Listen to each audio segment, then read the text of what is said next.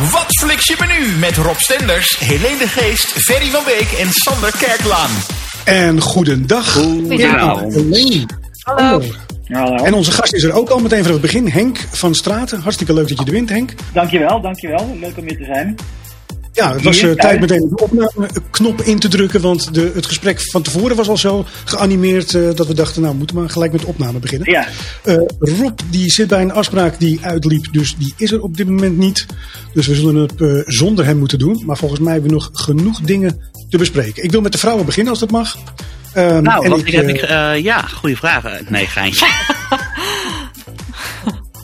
nou ja, Sander, als je, als je zo graag wil, dan, eh, dan mag jij het ook wel Nee hoor, ik zeggen. wacht, maar ik wacht mijn beurt af. Oké, nou hartstikke goed. Helene, laten we met Helene beginnen. Heb jij nog een leuke tip? Nou ja, Eh, ik, eh, ik zat eigenlijk in heel veel series en daar ben ik een beetje in blijven steken, omdat het allemaal niet binge-waardig was. Zo zat ik in Eigen Kweek, en ik zat in Barbaren en in Loaded. En eh, dat vond ik allemaal leuk en eh, heel geanimeerd. Eh, maar ik ben erin blijven steken en waar ik nu in zit, dat wil ik eigenlijk het liefste na de eh, uitzending gelijk weer eh, oppakken. Dus daar begin ik dan maar mee. En dat is Room eh 2806 over Dominique Strauss-Kaan. En daar hebben we het straks al even over gehad in de voorbespreking. En dat is echt zo'n goede documentaire. Ook heel goed gemaakt. Dus ook met hele spannende muziek eronder. Waardoor je echt verder wil kijken, vind ik. Ik vind echt eh, ja, sinds tijden eigenlijk weer een documentaire die ik eh, niet eh, te lang vind. Want dat is, daar zijn docu- documentaires ook vaak, maken zich daar schuldig aan dat het te veel opgerekt wordt. Maar dat vind ik dus Mhm. niet bij deze. Ik vind het heel erg boeiend. En ik was het een beetje vergeten weer. Dus het is wel.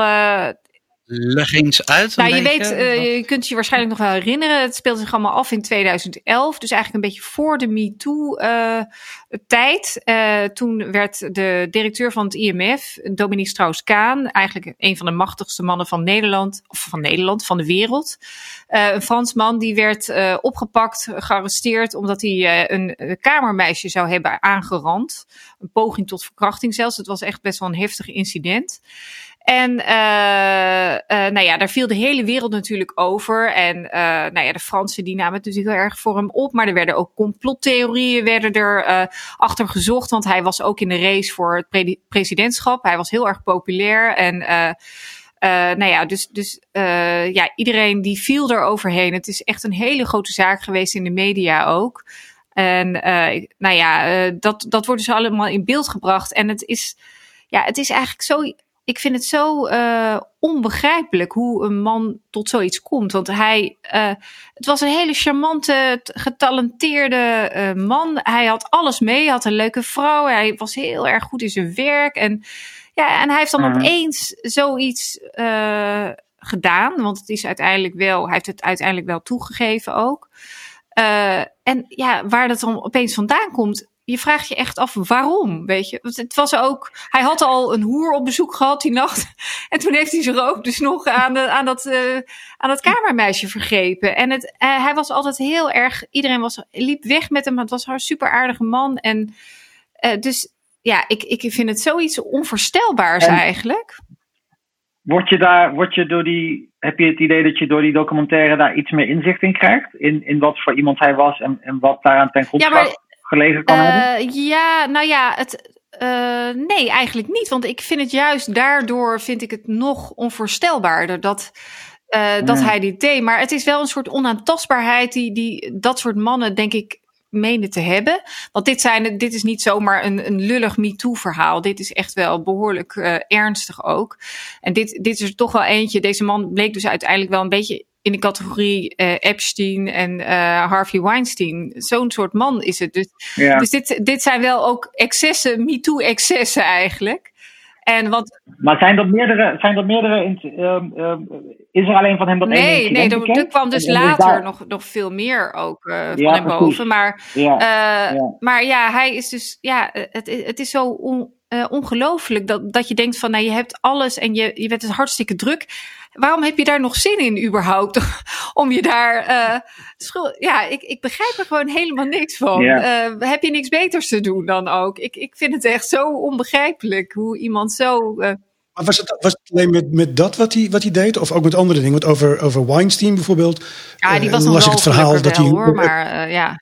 Ja, maar ook met andere dingen, weet je. Want die zat op een, op een Concorde-vlucht, dan mocht je niet roken. Dus de, wat ja, deed nee, Weinstein? dat, dat, dat was meer een, een, soort varken. Die, eigenlijk was die, hij, die, die eh, Strauss-Kaan was eigenlijk een hele, eh, nou ja, hele eh beschaafd, nou ja, in, op, zo op het oog dus een hele beschaafde man. Hij, maar hij is dus gewoon, hij ging dus af en toe gewoon helemaal zijn boekje erbuiten, maar, maar zomaar opeens. Dus ja, en dan dat is toch een soort onaantastbaarheid of zo die die eh, Ja. eh, mannen denken te hebben. Ik, ik snap er helemaal niks van.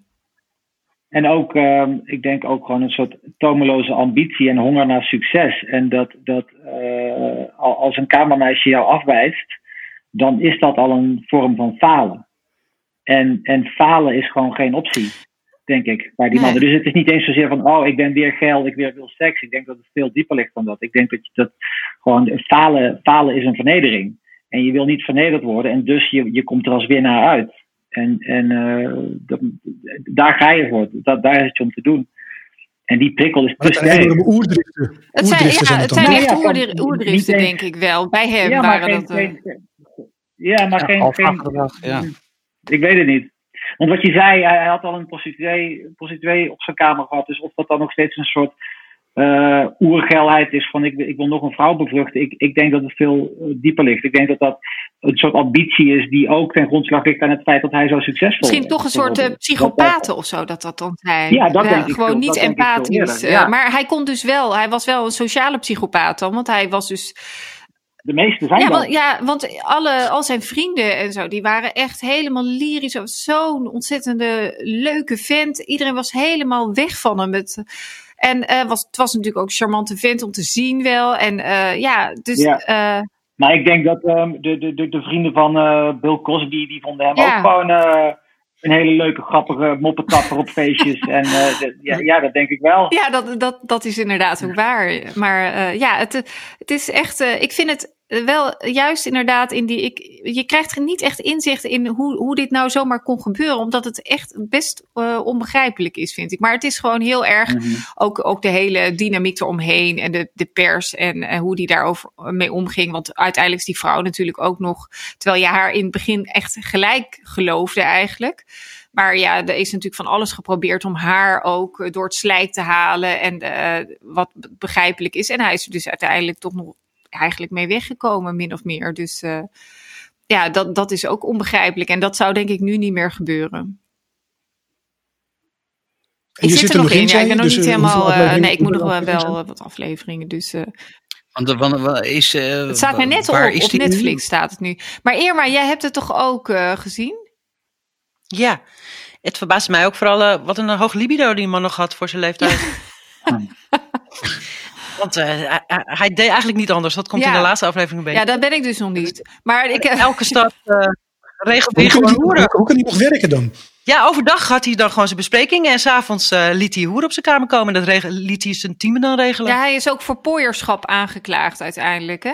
Maar ja, inderdaad, ik denk dan Ja. ook van, waarom heb je daar nog tijd voor ook en zin in? Dat, dat, dat vond ik ook het verbazingwekkende eigenlijk eh, aan, de, aan die hele documentaire. Wij mannen zijn interessante wezens. eh, Ja, dat blijkt. Ja. ja, maar zeker een aanrader, Goed, eh, vind ik. Ik vo- Ik vond het echt een hele goede documentaire. Of vind het. Ik vind het altijd zo moeilijk om daar eh, als, als man dan heel neutraal naar te gaan zitten kijken. Eh, omdat ik het bijna ook een aanklacht eh, tegen mezelf nou, vind. dat vind zo. ik niet hoor. Want eh, ik, ik heb ook ergens wel denken van, nou, ik denk, als ik zo iemand in mijn kenniskring, dan, dan zou ik ook nog iets hebben als, het, als die gewoon aardig is tegen mij. Dan, dan, ja, dan is het ook heel moeilijk al om daarover te oordelen. Dus eh, ik, ik vind dat je dat zeker niet zo moet zien. Want iemand kan gewoon aardig zijn en een dubbel leven leiden, zoals inderdaad hij. Dus dat, ik, ik vind niet dat je je dan als. eh, ja, als bekende of als, als eh, nou ja, ook als medeman daar lullig over moet voelen. Nee. Absoluut niet. Nee, dat, dat lijkt me ook. En zelfs, zelfs al zou je herkennen een enorm hoog libido, daar is natuurlijk nog steeds aan zich eh, niks mis mee. Het, ga- het gaat erom wat, Wat je dan daarmee met doet. Dat, dat- ja, wat je met het libido doet en wanneer je, wanneer je dat loslaat en, en, eh, en wanneer niet. Maar om dat nou, op, op, als, als, ik vind dat wel, dan neem je het wel heel, heel, heel persoonlijk op als je dat als aanklacht Tegen de man. Tegen jezelf. de Ja, man ik- ik- ook. Ik, ik vind weet dat helemaal jij- niet, ja. inderdaad. Want, en dat vind ik sowieso... Ik ken Ferry natuurlijk niet. Ik weet niet of Ferry zich om andere redenen ook gewoon dat hij denkt. Ja, Ja, dat hij wel heel aangesproken, laat me wel zijn. Ja, ik, ik kwam laatst een kamermeisje tegen. En toen zei nee, goed. Dat, eh, nee, nee, natuurlijk niet. Nee, wat ik bedoel eh, te zeggen, dat zat ook een beetje in, in, in de voorbespreking, is er komen nu zoveel negatieve dingen eh, naar boven, zeg maar. dat, je, dat je soms ook denkt van, er zijn aanklachten, maar dat geldt niet voor mij. Maar het lijkt wel of het opeens op iedereen Ja, maar dat, geldt niet alleen voor bedoel? MeToo. Dat is voor alles, vind ik. Eh, je bent ook al heel snel een racist. Of je bent, eh, je bent van alles heel snel nu. Dus, maar je hoeft, ja, ik vind dat je je daar absoluut niet over aangesproken hoeft te voelen. En dat MeToo al helemaal niet. Want het is natuurlijk ook een beetje die discussie met Ruud Lubbers destijds. Die had ook een beetje zo'n reputatie. en ja, je moet daar natuurlijk ook heel erg mee uitkijken. Want als iemand gewoon eh, eh, een beetje nou ja, van vrouwen houdt en van aanraken en zo, dan ben je nog niet gelijk. eh, dan bega je nog geen misdaad gelijk. Hè? Dus, dus het is ook inderdaad wel een beetje een wankele. ja, wankel gebied waar je je op begeeft, vind ik. Maar dit zijn natuurlijk wel excessen. En eh, dat, dat is toch wel raar. Wel, nou ja, ik vind het wel bijzonder om te zien eigenlijk. Ik vind het ook, het is ook heel erg Ja. vergelijkbaar. Want ik heb een, een, eh, eh, een paar weken geleden had ik het over de Loudest Voice. En dat ging over die Roger Ailes van eh, eh, Fox News. En dat was ook zo'n man, weet je wel, heel succesvol in zijn werk. En hij had een, een vrouw die die adoreerde. En, en dan ging die, vergreep hij zich toch nog aan iedereen die op kantoor kwam. En ik begrijp het gewoon Mhm. niet, weet je. Dat, maar, de- ja, de- maar echt ook onder Ja, dwang. dat is inderdaad dat- een machtswellusteling. Ja. Ja, ja. Machtspositie. Ja. Ja. En eh, ik, ja, ik kan jullie in het verlengde hier, hier, eh, hiervan kan ik jullie echt die, documentaire over eh, Ruud Wijsman aanraden. Op, die is van de NTR, die is daar ook gewoon gratis te bekijken. En dat is dus een theaterschooldocent. Een hele, dus een beetje de bekendste uit Amsterdam. En die is ook in die MeToo-golf eigenlijk terechtgekomen. En dat is weer een stuk genuanceerder, omdat dat. Ja, die had, een soort, die had natuurlijk een soort van positie van autoriteit. En daar kwamen natuurlijk heel veel mooie jonge actrices op die school terecht. Die, als hij ze een beetje aandacht gaf, of ze het gevoel gaf dat ze bijzonder waren, ja, die, die werden daar natuurlijk helemaal door betoverd. En, en voor ze het wisten, eh, waren ze in sommige gevallen uitgekleed. En ehm, dat, dat vind ik ook zo interessant, omdat daar wordt het weer iets complexer over. Want daar is geen sprake geweest van bijvoorbeeld echt eh, fysiek eh, iemand overmeesteren of, of doorgaan als iemand nee zegt. En, en eh, wat je merkt in de discussie nu is dat die criteria, die zijn wat Vervaagd. ja, die zijn wat. Ja, en, en iemand is al sneller eh, fout of had dingen beter anders kunnen doen. En eh, dat vind ik wel. Soms mis je de, nuan- de nuance daarin. Omdat er is een verschil tussen zeggen: hé, hey, dat heb je niet zo slim gedaan. En als je erop terugkijkt, was dat misschien niet de beste manier. En je, je, je bent een, een sexual predator geweest. Ja, En het wordt een beetje een heksenjacht, bedoel jij? Nou, precies. En, en wat ik dus wel heel leuk vind aan die uh, NTR-documentaire, hij heet uh, De Hoofdpersoon, is dat ze maken dus een documentaire over hem, met hem erin. En in die documentaire gaat hij een toneelstuk regisseren, dat voor hem wordt geschreven. En dat gaat over een theaterschooldirecteur die daarin terechtkomt. Dus hij wordt geconfronteerd met wat hij zelf gedaan heeft en wil, en wil daar ook een soort van draai aan geven. En in een vakantiehuis in Frankrijk uh, volgen ze hem in dat, in dat proces. En de actrice die dan de hoofdrol gaat spelen in, die, in dat theaterstuk, die communiceert met hem. En die praat ook met hem over wat daar toen gebeurd is. En op het ene moment zie je zichzelf heel erg verdedigen. En dan denk je, nou ja, maar nu, nu ben je misschien wel iets te veel je handen in onschuld aan het wassen. En op andere momenten snap je het weer heel goed. En, uh, maar op, om wat voor daarin, ja. misbruik gaat het dan eigenlijk? Of, of hoe uh, uitzicht dat dan? In te vaak nou, aanraken dat, dat, of... Ja, dat sowieso. Ja, en dat is natuurlijk, en dat is zo lang ook in die theaterwereld was dat waarschijnlijk Normaal, ook een, een, ja. een, periode lang normaler dan in andere bedrijfstakken.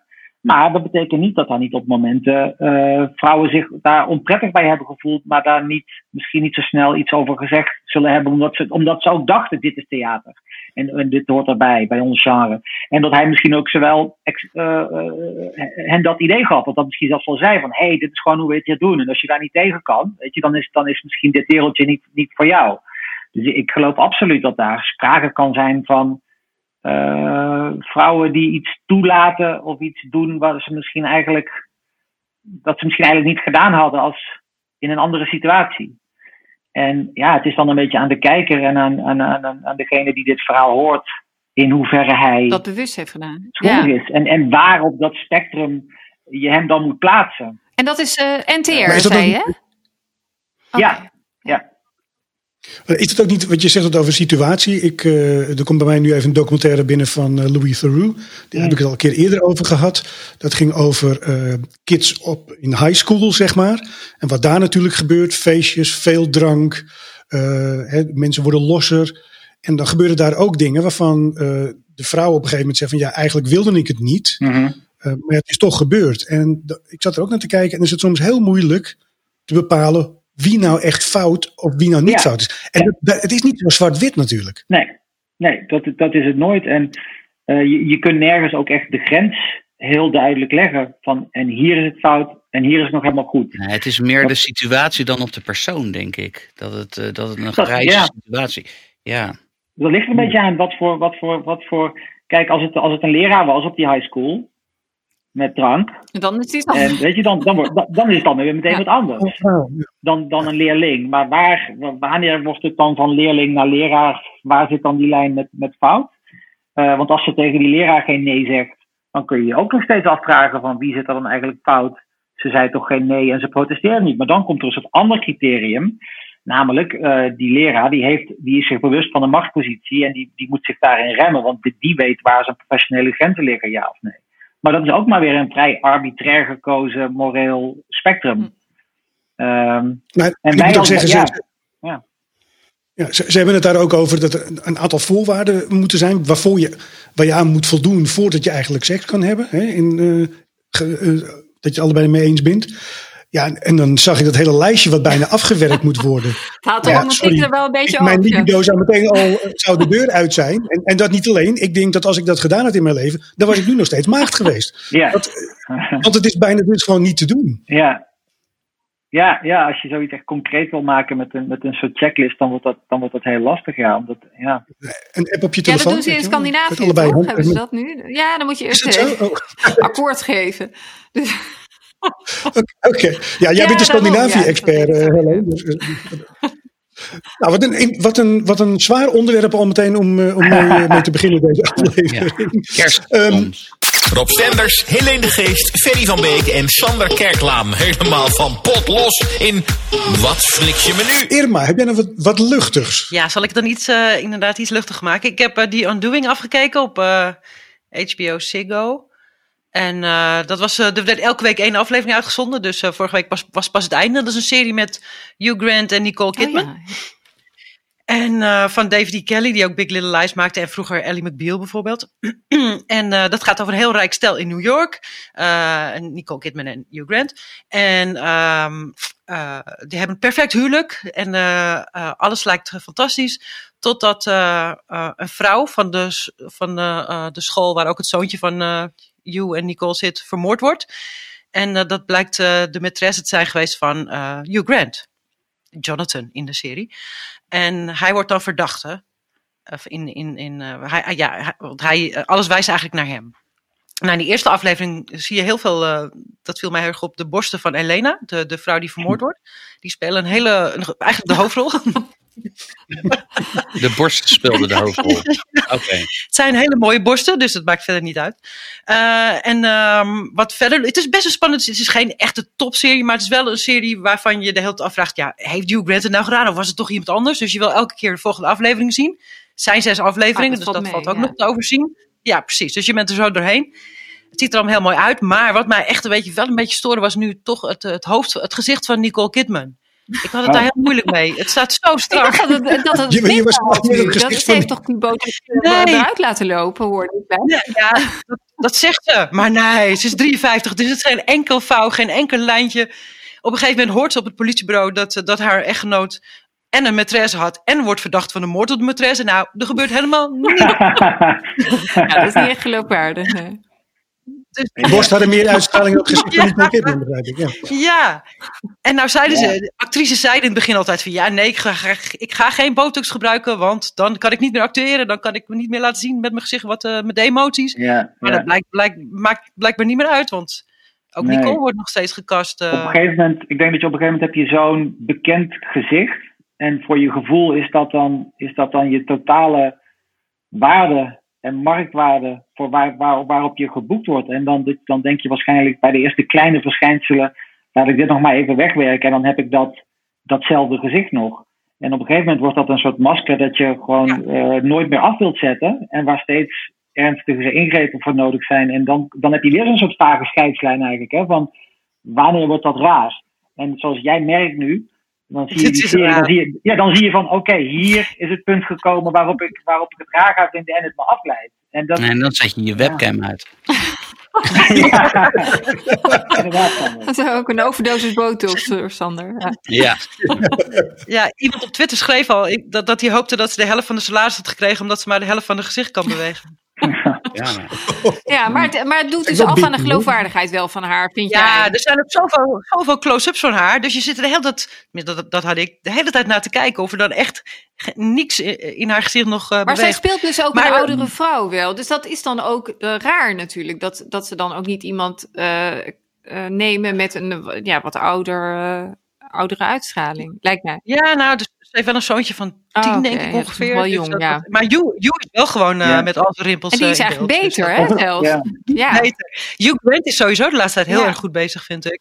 Is dat zo? Gezicht. Oh. Nee, ja, is zo. Ja, hij deed eh, eh, A Very English Scandal, was een heel erg goede serie. Oh, oké. Ik, heb hem- ik ben hem totaal eh, uit het oog verloren. Voor mij zijn nog steeds zo alleen maar die, die, die romantische Van de comedie Love Brits met hetzelfde... Die al Ja. altijd aan het hakken lezen en zo. Nee, Ja. hij, is, hij is nu een hele andere kant op gegaan. Hij speelt allemaal Oh. serieuze rollen en dat blijkt hij ook heel goed te kunnen. Oh, dat is cool. Ja, The Gentleman met Guy Ritchie was ook, is eh, van Guy Ritchie. Die film is ook heel erg goed. Oh, die hem moet ik ook nog zien. Ja, Ja, ik zeker aan.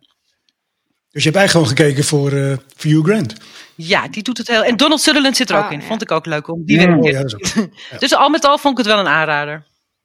Toch? Oké. Oké. Movies, series en more. Wat flits je nu? Ehm, Sander, Eh, ja, ik heb ehm, een film gekeken.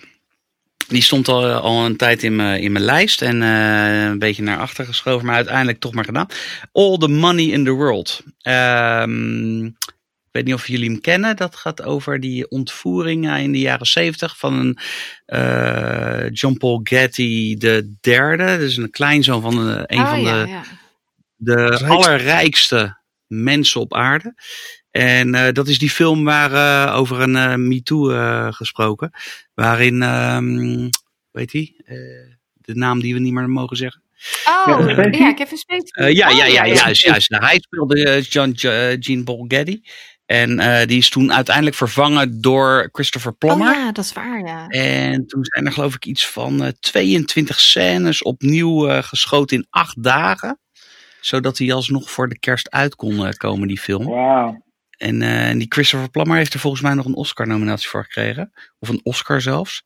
En ehm, ja, het is, acteur. het is een goede, goede acte. Ja, het is een goede film ook. Het is echt eh, met Mark Wahlberg. Die speelt een eh, oude CIA-agent die voor die Getty eh, zijn olie-imperium werkt. En die, eh, die, zo, die kleinzoon wordt, eh, wordt gekidnapt in, eh, in Italië. Dan vragen ze 17 miljoen dollar losgeld van eh, voor hem.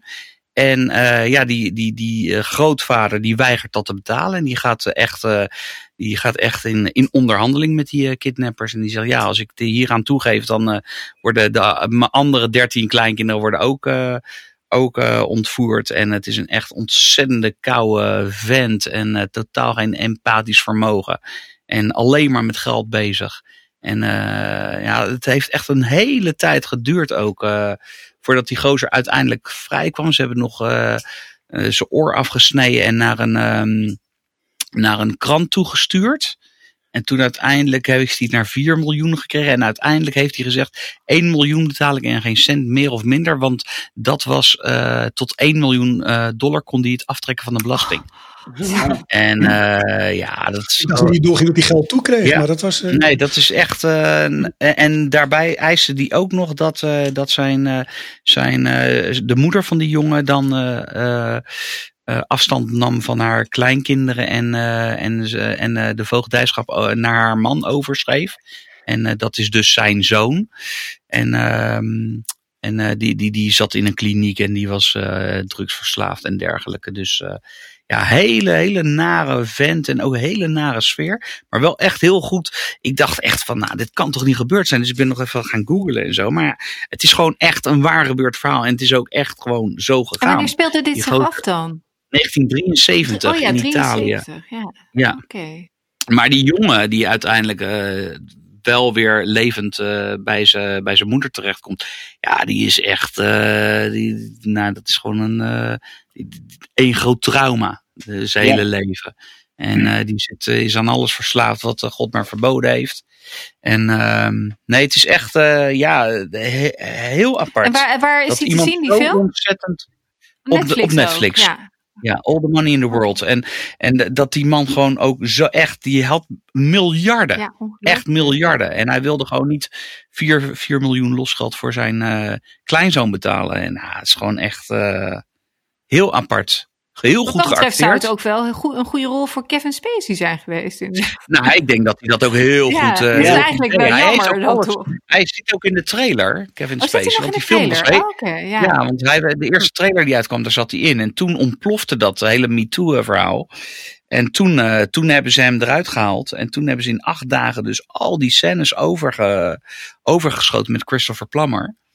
En uh, toen was er nog een ruil, dat las ik op, uh, op Wikipedia, omdat Mark Wahlberg, ze hadden gezegd dat uh, alle, de, de cast het allemaal gratis deed. En uiteindelijk bleek Mark Wahlberg toch anderhalf miljoen dollar te krijgen. Terwijl die vrouwelijke uh, mo moederrol, die kreeg maar 80 dollar qua onkosten voor per dag. Dus dat was echt uh, Maar waarom was het een liefdadigheidsproject Ja. of zo? Eh, Wa- ja. ja, waarom? Nee, nee, dat, eh, dat, dat, dat weet ik niet. Eh, ze, er was waarschijnlijk geen budget, maar opeens had Mark eh, Wahlberg wel, ehm, wel anderhalf miljoen gekregen en zij kreeg maar 80 dollar per dag. En uiteindelijk was dat zo'n zo'n probleem, heeft Mark Wahlberg die eh, anderhalf miljoen naar een goed doel overgemaakt uit, in naam van haar of iets dergelijks. Zo, zoiets had ik vanmiddag even gelezen. En, eh, Een wonder dat die film uitgekomen is. ja, En, ja, ja, dat is echt wel, ja. Maar zouden Ja. we Kevin Spacey ooit nog eens terug gaan zien? Denken jullie? Nou, ik denk het Ik hoop het eigenlijk wel, dat- want ik vind het toch een van de beste acteurs die er is. Dus, Ja, eh, ik ook. Maar ik denk dat niemand, niemand zijn vingers eraan wil branden. Want ik bedoel, als jij... eh, ja, hij is echt wel echt eh, helemaal zwart Ja. gemaakt. ja.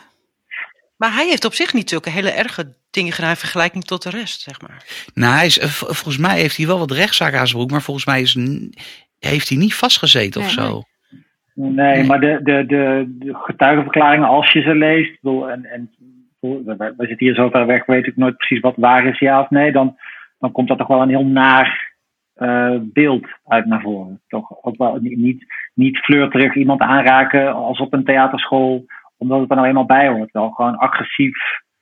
Ja, en ook, Ehm. hij scheen ook op de set echt... eh, ja, maar er zijn er wel Ja, meer. Je mag wel naar zijn op de set natuurlijk. Dat, Ja, maar dan met aanraken en dwingen Ja, ja. naar. En gewoon, eh, eh, ja. Ja. Helene, je hebt dus behoorlijk. eh, je, je vindt toch dingen goed, zeg maar. Op de Ja, ja, vind ik wel Ja. Je mag best wel Ja. een beetje een eh, ja, nare persoonlijkheid zijn. Ja.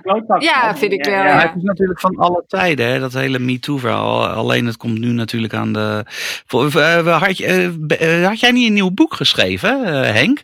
Dat daar ook een beetje. Wel een goed bruggetje, hè? Ik zat er net aan te denken. Oh, jongens. Ja, mijn boek heet eh, Ernest Hemingway is gecanceld. En het gaat over iemand uit eh, de linkse cultuursector. Hij is museumcurator.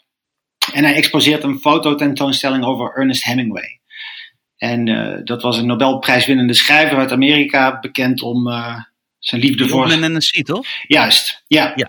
Ehm, En Farewell to Arms, For Whom the Bell Tolls. En hij was fervent fan van eh, stierenvechten, boksen, jagen, vissen.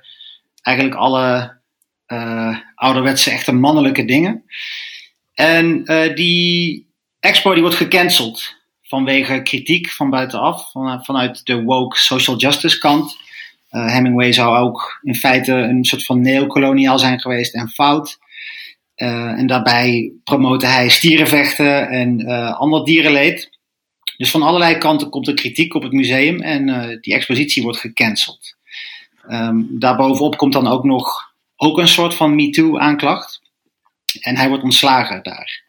En um, waar het boek eigenlijk om gaat of over gaat, is een beetje de, de verwarring van de witte man. Die altijd dacht: ik ben links en goed. Maar die ineens ziet dat uh, aan, aan de verlinkse kant het een bepaalde kant op gaat. Waar hij zich niet meer helemaal in thuis voelt. En um, dan heb je natuurlijk aan de andere kant van het spectrum extreem rechts of rechts of alt-right. En dat is iets wat natuurlijk ook niet voor hem is. Dus het is een beetje de verwarring van, nou ja, wat je kunt noemen voormalig links of middenlinks. En uh, de wereld verandert om hem heen en hij is 40 en uh, dreigt depressief te raken en probeert daarmee om te gaan. Dus dat um, vrij actueel en dat raakt een beetje de thematiek waar we het, uh, waar we het eerder over hadden. En vrij actueel, ja. Ja, en is dat ook iets en, waar je en, zelf en, mee worstelt dan? Dat je dat uh, in dat boek hebt, uh, hebt beschreven? Uh, nou, de, de, de, de, de maatschappelijke veranderingen, die vind ik zeer fascinerend, ja. Uh, en hoe dat, hoe dat gaat, hoe, hoe er op, op, aan de linkerkant ja, steeds fanatieker en vooral... Bijna radicaal? Radicaal en vooral inderdaad weinig nuance. Er is weinig nuance om dingen te... Er is weinig ruimte om dingen te bevragen. Uh, over wat wordt geclaimd over racisme of privilege. Of um, alleen daar al bepaalde vraagtekens bij zetten of daar een dialoog over willen, willen openen. Dat is al vrij moeilijk met degene die daar heilig in geloven. En dat vind ik een soort fanatisme dat je, wat je vroeger vooral aan, aan de rechterkant zag. En dat gebeurt daar nu ook. En ik, ook ik zelf probeer inderdaad een soort redelijk en rationeel midden te vinden. En um, ik denk dat dat voor heel veel mensen geldt. Uh, met mij. En toch is dat een groep die, die je vrij weinig hoort. Dus uh, als er al tegenargumenten zijn, dan is dat vaak weer meteen de, radicale de alt-right. Ja, ja de, de alt-right hoek. Uh, en dat is eigenlijk zonde. Dat ik vind dat er zou meer ook vanuit het midden zou daar ook een soort weerwoord op moeten komen. Van hé, hey, ik laat me niet zo snel reduceren tot uh, mijn huidskleur of de groep waar ik toe behoor. En, en, maar komt het niet ook, uh, Henk, omdat wij, in de, ik film mezelf ook in het midden, uh, dat wij uh, zeg maar, niet gewend zijn om ons radicaal uit te drukken en een sterke mening af te Absoluut, dat, dat denk ik ook. Maar je, je kunt, en dat hoop ik ook dat dat wat meer gaat gebeuren, je kunt ook je verwarring wat sterker uiten. je kunt ook nuance geëngageerder en sterker uiten. Door bijvoorbeeld alleen al gewoon te zeggen: hé, hey, wat daar nu geclaimd wordt of beweerd wordt, ik weet niet of ik daar helemaal mee eens ben. En, maar dat vergt enige moed, omdat je al vrij snel dan wordt uh, betiteld als uh, iemand die dus blijkbaar wel voor racisme is. Want als de ene partij zich antiracistisch noemt en die komen met bepaalde ideeën over de maatschappij en je zegt: Goh, ik weet niet of ik, of ik daar wel helemaal mee eens ben, dan ben je het dus niet eens met antiracisme. Ja, gelijk, 180 graden ja. aan de kant op. Ja, daar zit, en, en uh, ik, ik vind dat wel verwarrend. Ja, want ik, ik ben bijvoorbeeld links opgegroeid en ik heb altijd links geleefd en gestemd. En dus als dan langzaam zo dat wat fanatieker wordt, dan heb je eigenlijk ga je stilzwijgend eerst mee. Dat duurde best wel een tijdje bij mij dat ik dacht van hé, hey, maar nu worden er wel hele onredelijke dingen gezegd. En zeker als je kijkt naar Amerika als voorland wat dat betreft. Dat je ontslagen wordt omdat je zegt all lives matter in de plaats van black lives matter. Uh, en dan doet het er ook niet eens toe op wat voor manier je dat bedoelt, maar dan ben je je, je baan kwijt. Um, dat soort fanatisme vind ik heel eng en ik heb het idee dat ja, een hoop mensen op de linkerkant daar nu een beetje nog op slapen. En dat niet helemaal in de gaten hebben en maar gewoon niks zeggen omdat ze bang zijn. Het po ze politieke anders... correctheid ook. Vooral, ja, ja, ja, ja. En, en je wil niet uit die club gegooid worden. Je wil niet ineens, uh, uh, je, wil, je wilt tot de, de goede blijven behoren. En, en komt dat heel erg in jouw boek naar voren? Neem jij heel erg een standpunt daarin? Of uh, als nee, ik het lees? Nee, uh... nee ik, wilde juist, ik wilde juist gewoon iemand laten zien die, die niet meer zo goed weet waar die staat. Eh, en waar hij geëngageerd over kan zijn. En het is ook, hij gaat ook, hij gaat bijvoorbeeld ook middeleeuws zwaard vechten. Dat, is een, dat, dat kun je doen, dat bestaat echt, heb ik uitgezocht. Ja, ja, ja. Dus hij wil ook, het is ook weer zo dat terug willen naar, naar een soort kant van mannelijkheid die hij kwijt is. En, maar tegelijkertijd merkt hij dan dat dat clubje ook weer, weer vrij rechts wordt. En dat daar een soort van, hé, hey, we moeten onze grenzen verdedigen-achtige agressie in zit. Dus daar, Dat is ook dus daar, thuis, juist, dus Ja. eigenlijk is het iemand die, die weg wil bij die twee kanten van extreme. En een soort redelijk midden zoekt, wat hij niet meer zo goed kan vinden. Nee. Eh, en die verwarring heb ik, willen, heb ik willen laten zien en laten voelen in het, eh, in het boek. Ik, ik voel die helemaal, Henk. Het is heel raar wat je nu gaat zeggen, maar ik zat naar de Queen's Gambit te kijken. Oh ja, de Queen. Dat gaat natuurlijk over schaken. Dan zou je denken, waar is het linkje? Ik zat te kijken en toen dacht ik opeens, en dat zou ik echt nooit eerder gedacht hebben. Eigenlijk is dat schaken ook wel een racistisch spel. Want wit is altijd als eerste Nou ja, zeg. En dat is natuurlijk, maar dit, dit is natuurlijk belachelijk. Maar dit Je gaat zo kijken. maar. ja. Je gaat zo kijken. Ja.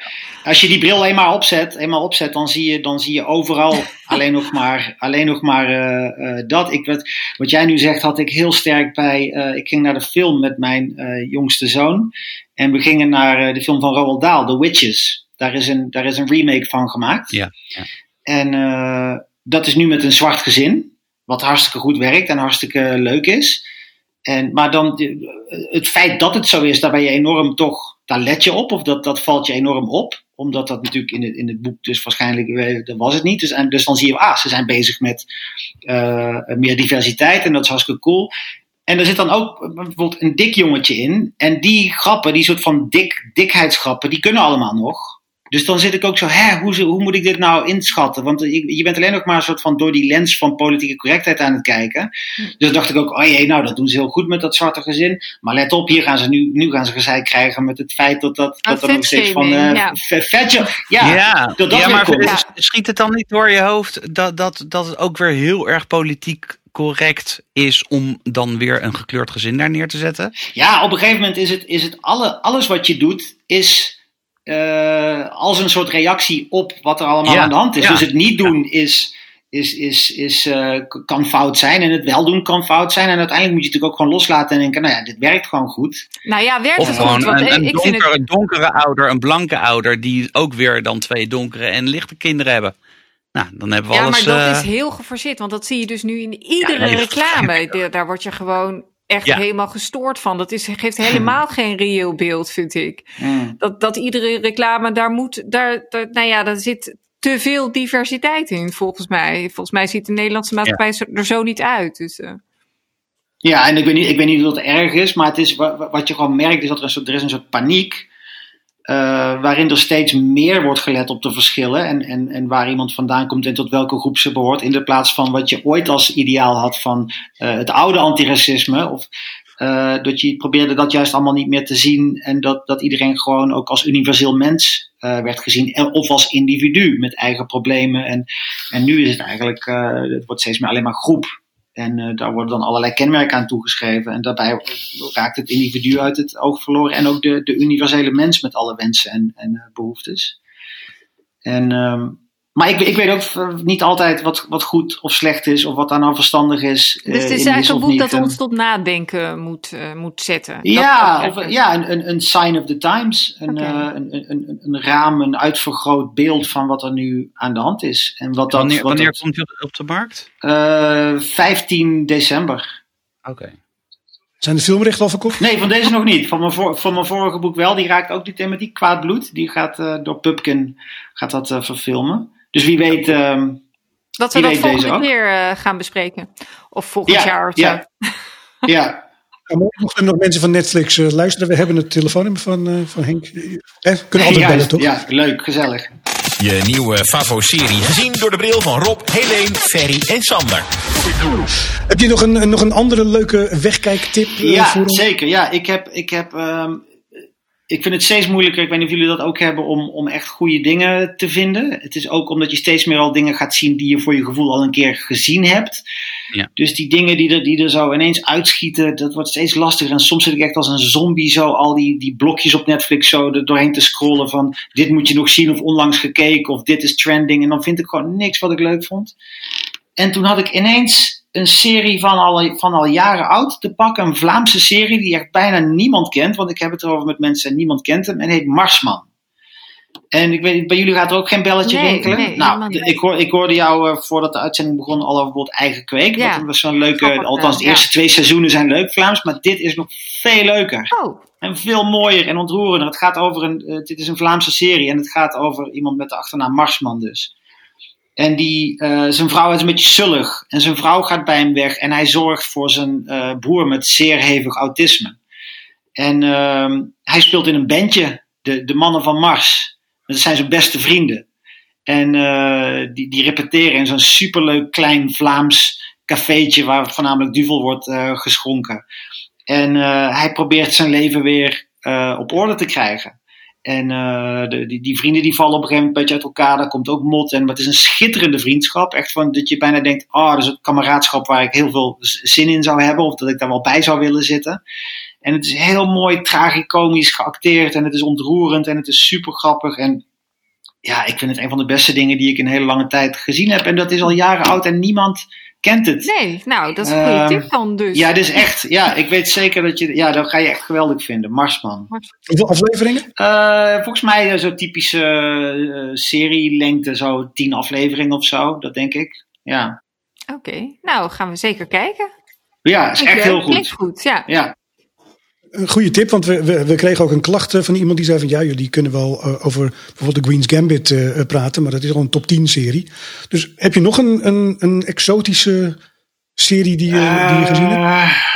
Exotisch zou ik het niet willen noemen. Wat ik heel goed vond op, ehm, op volgens mij is dat van HBO, was Succession. Maar daar zijn inmiddels al wel drie seizoenen van. En dat hebben jullie misschien al lang een keer in deze podcast gesproken, besproken. Nou ja, dan kom je weer uit bij natuurlijk de, de, de, de machtige man. En die, die ook eh, vaak een tiran is. Maar goed, dat kennen jullie dus al. En ehm, wat ook heel goed is, ik weet niet of jullie dat wel al wisten, ook volgens mij van HBO. En dat is I May Destroy You. Heb hebben jullie die al gezien? Nee. Nee. Nou, dat, is, dat raakt ook weer die actualiteit. Dat gaat over een eh, schrijfster in Engeland, een jonge zwarte schrijfster. En zij wordt in de eerste aflevering in een café gedrogeerd en verkracht. En eh, de rest van de serie gaat eigenlijk over hoe ze daarmee omgaat. En dat gaat van depressie, angst, maar nou ook naar hevige wraakgevoelens, uiteraard, vanzelfsprekend begrijpelijk. En ook een soort fanatisme op dat maatschappelijke gebied. Dus zij heeft ook de neiging om, om te fanatiek mee te gaan in een soort van politieke correctheid, waarbij ze ook gewoon vrienden uit het oog verliest, omdat die niet hetzelfde eh, denken.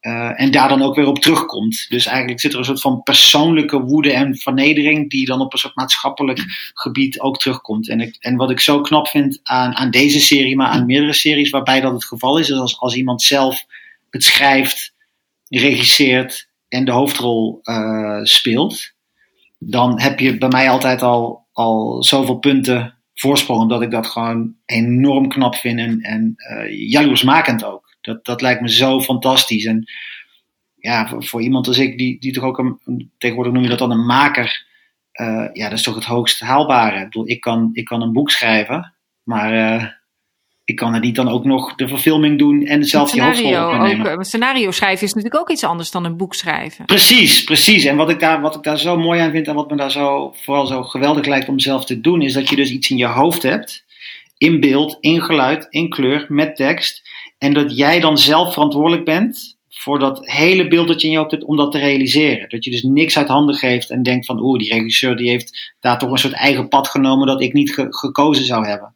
En dat je dus precies maakt wat jij wil maken op alle vlakken en dat het dan ook nog eens een keer supergoed wordt. Ja, voor, ja dat is het hoogst haalbare, vind ik. Ja, um, kan me voorstellen, inderdaad. Ja. En wie, welke vrouw is dat waar je het over had, die dat dan allemaal zelf heeft gedaan? Uh, dus, dan moeten we even, een bekende actrice? Of, uh... Nee, nee, oh, nee, zij bekende, juist, ja. nee, nee, je moet het even googlen, je ziet het dan vanzelf wel. Nee, voor, in ieder geval hier, voor het grote publiek, is zij totaal een, een nieuw kid on the block. Uh, ze zal vast in Engeland natuurlijk al, uh, al, al dingen bereikt hebben en gedaan en gemaakt. Maar dit is, dit is voor zover ik weet ook echt haar grote doorbraak. En ze speelt ook echt fantastisch en de mensen om haar heen ook. En het raakt zoveel aspecten nu van ja, de maatschappij anno nu. En uh, heel goed. HBO. I May Destroy You. Ja. ja. Oké. Okay. En dat is nee, Ziggo. HBO toch? Ja, Ziggo. Ja, oh, dat is tegenwoordig. Ja, ja, dat, is, ja. ja. dat is hetzelfde. Oké. nou, Mag ik nog een kersttip eh, toevoegen? Tot slot. zeker een kersttip. kersttip. Nee, nou, ik heb het de vorige keer al, al eh, dramatisch, eh, het hele dramatische kerstaanbod al een beetje doorgenomen. En ik heb er nu weer eentje bij. En dat is eh, ook weer eh, niet zo gangbaar, denk ik. Of Tenminste, het is een Duitse serie, dus dat is al sowieso wat minder populair meestal. Maar het heet Uber Weihnachten. En eh, het eh, gaat over een. Het, is, het is gewoon iets anders weer. Anders kerst, maar toch zoet en eh, cliché. Vol clichés. En het is een jongen, een muzikant, die eh, een beetje eh, ja, mislukte muzikant. En die gaat met kerst naar zijn familie. Hij woont in Berlijn. Hij gaat met kerst naar zijn familie in de Eifel. In echt zo'n beetje pittoresk dorpje in de Eifel. Naar zijn geboortedorp. En eh, nou ja, daar is in de familie ook van alles aan de hand. eh, en het, allerlei geheimen en zo. Dat komt allemaal met het kerstdiner. Komt het al, in dat weekend komt het allemaal eh, naar boven ook. En er zijn allerlei. Zijn broer die heeft opeens iets met zijn ex. En nou ja, dat is allerlei vreselijke, nou ja, nare situaties en ruzies aan tafel en zo. Maar uiteindelijk komt het natuurlijk goed. En het is gewoon heel leuk voor, voor met kerst. En het is beter dan de gemiddelde Amerikaanse kerstfilm met B-acteurs en zo. Dit, dit ziet er gewoon wat leuker uit. Dus het is zeker eh, de moeite waard. En op die is op Netflix, Netflix. Uber Weihnachten, ja. Oké, nou wij eh, op onze Facebookpagina zal als deze uitzending live is, zal je kunnen stemmen ook op een aantal eh, kerstfilms.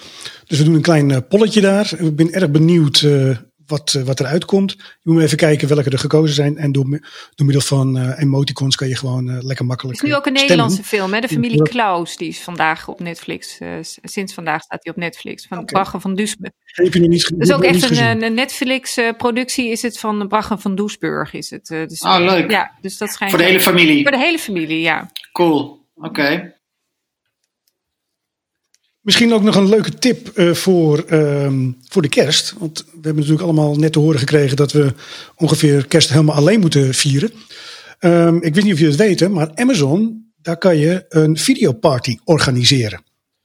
En weet je hoe dat werkt? Als je allemaal eh, zeg maar een abonnement hebt bij Amazon, kan er één iemand zijn die het organiseert. Die is dan de host.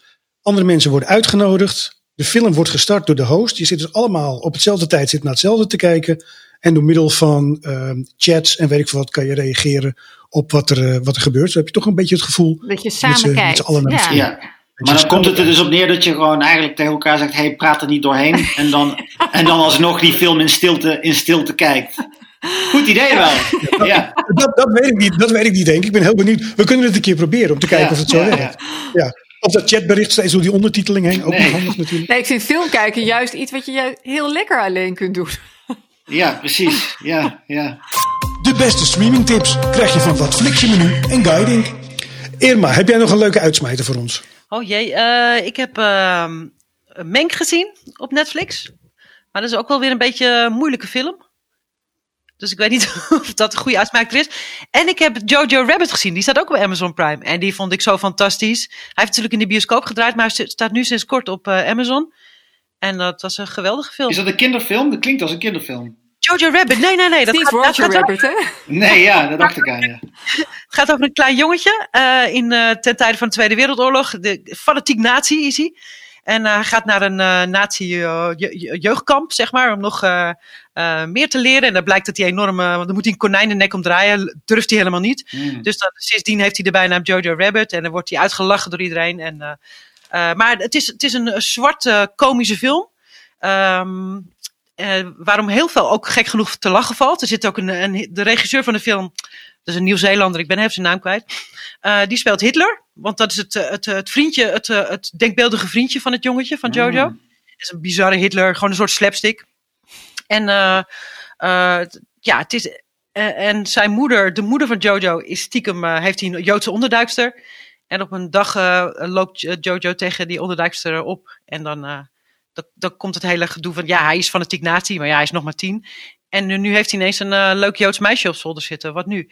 Het, Scarlett Johansson speelt de moeder. Cool. Het is echt een Oké, film. En- heel leuk. Ja. Maar het, het klinkt ook wel alsof ik iets wat ik, als, wat ik kan kijken met mijn twee zoontjes. Of, is dat, of snap je Ja. daar niks van? Die zullen wel een paar lagen missen, maar ik denk dat het wel, toch wel goed te doen is. Dat zij wel er ook lol aan kunnen beleven. Ja, precies. Oké, oké, cool. Nou, dat was mijn uitsmijter, Ferry. Ja, nou ja. Ik- nu de jou ver. Ja, nee, ik, ik heb nog wat, wat post wat ik even wil eh, behandelen. Want eh, ik, ik zei het net al een beetje. We hebben wel een beetje op ons kop gekregen van eh, Hessel van der Pol. Die zei van, eh, ja, is leuk die Queen's Gambit. Dat jullie die bespreken in wat flik je menu. Maar die staat in de top 10. Kom eens met wat origineler. Hij zei dat veel diplomatieker, maar dat, zo heb ik het eh, zeg maar eh, opgevat. En toen zei hij van, kijk eens naar Bier Ja, die Baskadier. Ik heb, uitspreek. ik heb ook die opmerking gezien, ja. Turkse serie. Ja. Eh, ik ben eraan begonnen, want ik dacht van nou, een goede uitdaging, eh, dat, eh, dat wil ik, eh, die wil ik wel aan. En ik moet zeggen, ik heb nu aflevering 2 gezien. Als je echt een keer iets anders wil en een goed verhaal, dan is dit eh, eh, helemaal goed. Oh? Eh, Ik zal een kort uitleggen waar het over gaat. Het mooie is, dat, dat schrijft eh, Hessel ook. Het gaat eigenlijk over de verschillen in Turkije zelf. Over, en wij denken natuurlijk aan Turkije. Dat is allemaal één. ehm, ja, één Pot nat. stroming wat daar is. één pot nat, ik. Ehm, en dat, dat, dat is natuurlijk niet zo, want je hebt natuurlijk daar, ook daar mensen die heel erg traditioneel zijn en mensen die niet traditioneel zijn. Dus mensen die daar hoofdkapjes eh, dragen, hoofddoekjes Mhm. dragen en, eh, en niet. Nou, dat komt er helemaal eh, in, in, naar voren in deze serie. Maar gaan ze, ze speelt het dan in de bergen af en in Istanbul of zo? Eh, Nou, als je, als je Ja. kijkt naar Istanbul zelf, daar loopt die lijn al doorheen. Hè? De, de, de, de middellijn tussen oud-Istanbul en modern Istanbul, dat is, al een, dat is binnen één stad al precies dat supergrote verschil. Ja. Ja, nou, ik weet niet precies. eh de, de speelt een deel zich voor mij op het platteland af, zeg maar. In, in een dorpje. eh, en het andere is in de, in de stad. En het gaat eigenlijk over een, een schoonmaakster. Die traditioneel is, dus een hoofddoekje draagt. En die maakt schoon bij een Hm. man. En eigenlijk kom je er gaandeweg achter dat ze verliefd is op die man. Maar die man die leeft echt heel erg modern. Dus dat is eh, in tegenspraak tot hoe zij leeft. Zij gaat naar een psychiater. Eh, want ze heeft het probleem dat ze af en toe gewoon compleet eh, ongevraagd zich niet lekker voelt en dan flauw valt. Dus ze, de dokter dacht van nou, misschien moet je naar een psychiater eh, gaan. En dan is het leuke dat die psychiater, die gaat ook weer naar een psychiater toe. Want die moet vertellen over haar patiënten met een hoofddoekje. En eigenlijk wil ze geen patiënten met hoofddoekjes helpen. Want dat, daar heeft ze moeite mee. Eh, en om het cirkeltje helemaal rond te maken, dan blijkt dus de psychiater van de psychiater. Dat blijkt de vriendin te zijn, of één vriendin van de man waar die schoonmaakster schoonmaakt. Zo. En daar kom je in de eerste aflevering al achter en dan breidt het zich uit. Het is echt een goed verhaal. Dus Hessel, eh, hartelijk eh, dank. Ehm, wat heb ik nog meer? Ehm, even kijken. Nog wat eh, tips over eh, kerstfilms van, van Iris. Die zei Santa Claus 1, 2 en 3 op Disney+. Plus. Heerlijke kerstfilms. Dat doe ik met Tim Allen. Bekend van, eh, van Home Improvement. Eh, en iedereen die gek is op Disney. Olaf's Frozen Adventure. Oh ja, Is dat is het sneeuwpopje. Ja? Die heeft een eigen film. Nu. Ja. training van de lachspieren. Dus eh, moet je zeker even naar kijken. Ehm, ook nog mensen die naar aanleiding van eh, Dolly Parton fan eh, Helene gekeken hebben naar Christmas on the Square. En eh, eigenlijk vindt iedereen het leuk. Eppo Eefting en Michiel van Harskamp die zeggen helemaal goed. Kim Browns die zei Dolly is maar 10 minuten in beeld, maar het krijgt pri- prima weg. Dus daar is iedereen zeer over te spreken. Als mensen nog tips hebben, dan kan dat naar uh, nouzeg.watflixjemenu.nl of je kan naar ehm, facebook.com slash watflixjemenu. En we zien ook dat er steeds meer reacties op komen. Vinden we hartstikke leuk. Ja, dat was de post eigenlijk eh, voor, eh, voor dit moment. Ja. En dan eh, hoop ik ermee weg te komen dat ik eh, stilletjes de deur achter me dicht kan trekken. Maar ik ben bang van niet, hè? Ja, nou, liever wel, maar eigenlijk kan je het niet de luisteraars aan doen. Ja, ehm, eh, dat moeten we uitleggen. Henk, Ja. eh, ik, ooit ben ik gestart met, zeg maar, dag met een lach. Dus dan probeer ik iets te vertellen aan het eind van de podcast waar mensen om moeten Oké. lachen. Maar het bleek Maar maar nooit heel erg aan. namelijk. Maar je moet het nu blijven doen, dus. Ja. het Nu leuk blijven wordt, doen. ja. Ja, daar ben ik wel mee. Ik ben heel benieuwd nu, Ferry, wat er gaat komen. Ja, Rob komt Oké, uit zijn nou ja, in, op, in, in zijn show gewoon. Daar kwamen we vorige keer achter. Oké, nou dit is een beetje ingewikkeld. Want we hebben een, een uitzending gehad met Milan van Weelde. Die speelt in eh The Story of Fire saga. Over het Songfestival. Misschien heb je die film toevallig gezien op, eh, op Netflix. En daar, daar komen, komen elfjes in voor. En ik weet niet wat het was, maar na, na die aflevering, het is echt al weken geleden, toen heb ik echt, ik kon gewoon niet slapen. Ik kon niet in slaap, want ik bleef maar aan die elfjes eh, denken. En mijn hoofd is dan een beetje, een beetje raar. Die gaat dan allemaal, weet ik veel, associaties en weet ik wat, allemaal rare dingen. Dus ehm, in die film zie je ook een mooi elfdorpje. Hè, En toen dacht ik van, nou, hartstikke leuk. Nou, Al die elfen wonen daar bij elkaar. Ehm, zouden ze ook internet hebben? En als ze dan op social media zitten, plaatsen ze dan elfies. Dit was hem nog niet, hè? En, nee, nee, nee, nee, nee. Nee, dit, dit gebeurde de hele Ja. nacht. Dus ik wil je even meenemen in mijn drama, want ik kon gewoon echt niet slapen.